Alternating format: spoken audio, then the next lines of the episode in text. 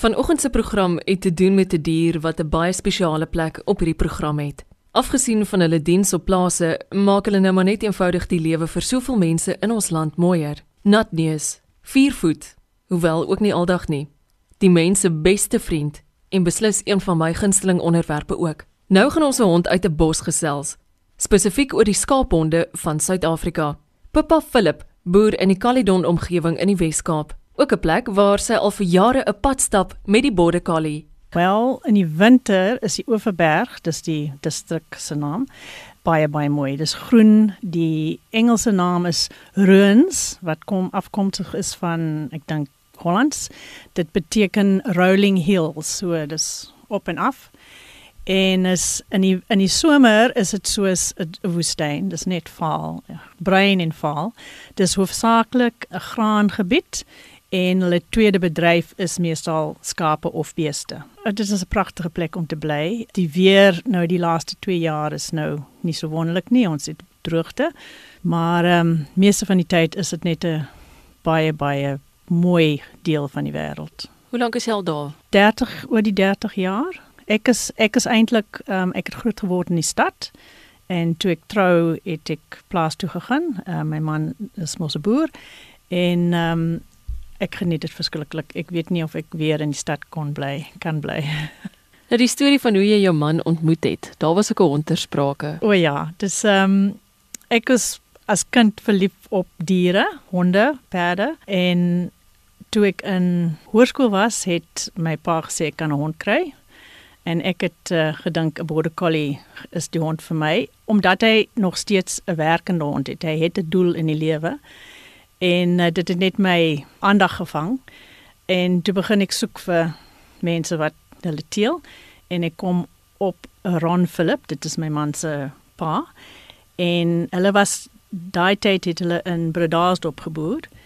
En um, ek het 'n hondjie van hom bestel. Teer die hond van die Philip familie te kry het ek paar jaar later sê een seun Andrew ontmoet en ehm um, Andrew se pa het baie in daai dae uh, baie honde demonstrasies gedoen by skoue en ehm um, skoolfunksies, jy weet die die fetes en so aan. Andrew het baie keer saam met hom gekom om te help en toe ons het ontmoet, vriende geraak en toe jou uh, end is ons getroud. Hierdie is die mooie storie oor die eerste skaaphond wat Pippa ooit gehad het. Haar naam was Kaylek. Ehm um, dis nie die regte uitspraak nie. Dit is 'n Gaelic naam en Gaelic is 'n taal wat hulle in Skotland praat en 'n border collie is mos afkomstig van die deel tussen Skotland en Engeland. Die dis dis waar hy sy naam kry, die border van die grens van Engeland en Skotland. So hy is die border collie. En ehm um, so ek het gedink dit moet 'n Skotse naam kry. So dit is dit beteken little girl in in Gaelic. Sy was eintlik nie die regte hond vir 'n uh, jong meisie se eerste hond want sy was taamlik neuroties en 'n border collie het 'n wil van sy eie. As jy hom nie as hy nie dink jy is die baas dan wil hy die baas wees. So so jy kan dink ehm um, dit was 'n handvol. Ek het altyd gelag want my vorige boyfriend, die hond het hom half amper nie verdra nie. Jy weet sy was baie jaloes op hom. En ehm um, sy het baie keer op die bank tussen ons kom sit en half grom vir hom. Toe Andrew aan aankom en ons begin nou uitgaan. Toe hy het sommer die hond van die bank afges afgestoot en die hond was heel verbaas en kon nie verstaan wat aangaan. Maar hy het gewys hy is die baas. so ehm um, ja, maar sy het, sy was 'n wonderlike hond. Uh, sy het haar haar streke gehad. En ek het obedience en daai soort goed gedoen want ek het mos in die stad gebly. En toe die teen die tyd wat ons trou, was sy al 4 jaar oud. En sy wou eintlik skape werk, maar sy het daai die keer instink om om te gaan en skape te gaan haal. Het sy dit verloor weens die ander training wat sy gehad het. Maar sy kon baie goed skape aanjag en sy was baie gehoorsaam, so sy sy kon dit goed doen. So sy het in 'n mate bietjie skaapwerk gedoen, maar sy was nie eintlik 'n werkende skaaphond. Border collie, skaaphond, Wat behoort mense hulle nou eintlik te noem? Ons noem hulle skaaphonde want dit is die mees algemene hond wat skaap werk. Maar hulle ras is 'n border collie. In Suid-Afrika praat ons meestal van 'n skaaphond, maar dit is nie te sê hy werk skaape nie. Pippa se storie het toe later 'n interessante wending gehad. Die eerste hond wat sy ooit hare genoem het, was 'n skaaphond, min wetend dat sy later in haar lewe haar hart op 'n skaapboer sou verloor. Nee, glad nie, glad nie. So dit was oh, dit is I suppose it's fate. 'n Hele paar jaar later het ek 'n uh, werkende skaaphond gekry want ek is was ek het baie geniet om my man te help op die plaas. En ehm um, so ek het 'n skaaphond gekry vir skaapwerk. Van daai tyd af het ek altyd honde op die plaas gewerk en hom gehelp met die skaapwerk. Maar ek moet sê ek het nooit gedink ek sou kompeteer met skaaphond kompetisies nie want ek was te skaam maar toe op ouend het ek so, dis wat gebeur het. 'n uh, Skaaphond kompetisie is dis 'n 'n manier om of 'n kompetisie om te sien wat 'n skaaphond werk die beste. So dit moet natuurlik op 'n redelike groot veld wees want uh, die hond moet wys hy kan skape gaan haal. Wat jy verwag 'n goeie afgerigte hond kan doen op die plaas, maar is net op 'n baie klein skaal. En dit is honderde jare aan die gang.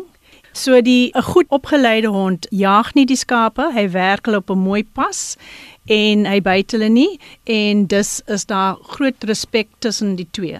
Wat van mense wat lief is vir hierdie honde, maar wat nie met skape boer nie? Ek wonder of hulle ook vir 'n idilliese skaaphondlewe sou kon sorg. Hulle is baie gewild in die dorp of stad want hulle is 'n wonderlike hond. Hulle is baie aktief. Hulle is baie intelligent, hulle is baie leerbaar, maar ek sal sê as jy nie iets het vir jou hond om te doen, kan hy 'n absoluut pes word want hy is te aktief. Hy kan nie stil sit nie. En dit is nie net oefening wat hy nodig het, hy het ook iets nodig om vir sy verstand om iets te doen met sy brein want hy is vir jare honderde jare geselekteer vir sy leerbaarheid. So hulle raak half mal as hulle nie iets het om te doen en dan raak hulle stout. En soos ek vir jou sê uh, gesê het van my eerste hond, jy weet as jy nie wys jy's in beheer, sal hulle oorvat en dan is dit ook nie goed nie. So so dit is dis is 'n moeilike 'n vraag en ek sal sê 'n skaaphond net op die plaas sal dalk in die moeilikheid beland want op 'n stadium wil hy gaan iets keer. En gewoonlik is dit goed wat jy nie moet keer nie. Met meeste boere het hulle ramme, stoetramme langs die huis. As die skaaphond daar begin werk sonder 'n hanteerder sal daar groot moeilikheid wees. Ek het ek het nou 4 wat ek werk by kompetisies en ek werk al op die plaas. En dan voor dit, ek sal sê ek's al deur 10. Ek dink, jy weet, al honde is in hulle eie reg slim, maar sekere rasse is baie meer leerbaar en die border collie is een van daai rasse. Die wonderlike ding van hom is dat hy kan geleer word om gehoorsaam te wees en na jou te luister. Maar hy het ook en dit is jare se seleksie, hy het ook daai vermoë om alleen te werk. Want ek weet nie of jy weet in Skotland is daar dele en hulle noem dit hills, maar dit is eintlik berge. En die skape wy daar op die berge, jy weet, is baie ekstensief. En daai boere het 'n hond nodig wat hulle kan onderkant staan en die hond stuur en die hond raak buite sig en die hond moet skape gaan kry en hulle terug na die hanteerde toe bring en dit is 'n uh, absoluut so hy moet op sy eie werk dis absoluut ongelooflik daar is dele van Suid-Afrika waar dit kan gebeur of daar waar die die, die terrein so is maar ons self is baie klein. Jy weet ons kan altyd sien waar ons skape is. So dit is daai initiative en instink wat jy jy, jy moet hom leer om jou na jou te luister, maar hy, maar jy moenie daai vermoë om self dinge uit te werk wegvat van hom. En dit is nogal 'n absoluut wonderlike ding. Op Pippa Philip se WhatsApp foto pryk twee pragtige wakker oogspitsoortjies. Ek wou weet oor die brakke. Dis twee van my honde. Die een met die spitsore is uh, my 7 jaar ouer reën en hy is eintlik my hoofplaashond. Hy's nie so wonderlik by die traals nie. Hy's nie fyn genoeg geleer nie en hy ooreis homself, jy weet, in bloody skaap hardloop baie keer. Maar hy is uh die regtig my regterhand op die plaas.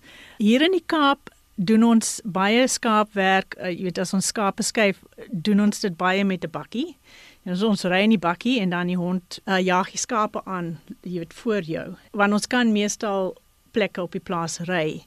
So uh, dit is absoluut sy ding. Hy kan skape enige plek aanjag.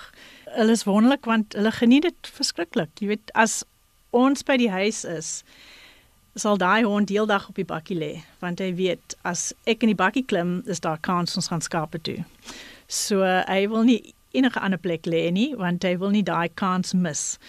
Die ander hond op die op die prentjie is 'n jonger hond, sy het nou net 5 geraak. Sy gaan my opvolger plaashond wees, maar sy is ook redelik goed met die trials, met die kompetisies. Die reën is Scott en die teef is Piet wat ehm um, nie gespel spel is soos eh, 'n uh, mens se naam is P E A T en Piet is ehm um, 'n tipe grond wat jy in Skotland kry. Dis nie 'n snaakse naam. Sy is 'n teef maar sy naam is Piet. En die probleem is met ons, jy weet ons weet ons honde is wonderlik, maar jy begin half dit take it for granted. Jy weet dinge wat ons het oor die jare verskriklike wonderlike stories gehoor van boere wat vertel van hoe slim is hulle honde. Daar was 'n in slag Andrew het 'n oproep gekry en die boer het gesê wie wat sy hond kan die kamp tel. Hy kan net vir die hond sê kamp nommer 6 en die hond sal na kamp nommer 6 by die skape gaan.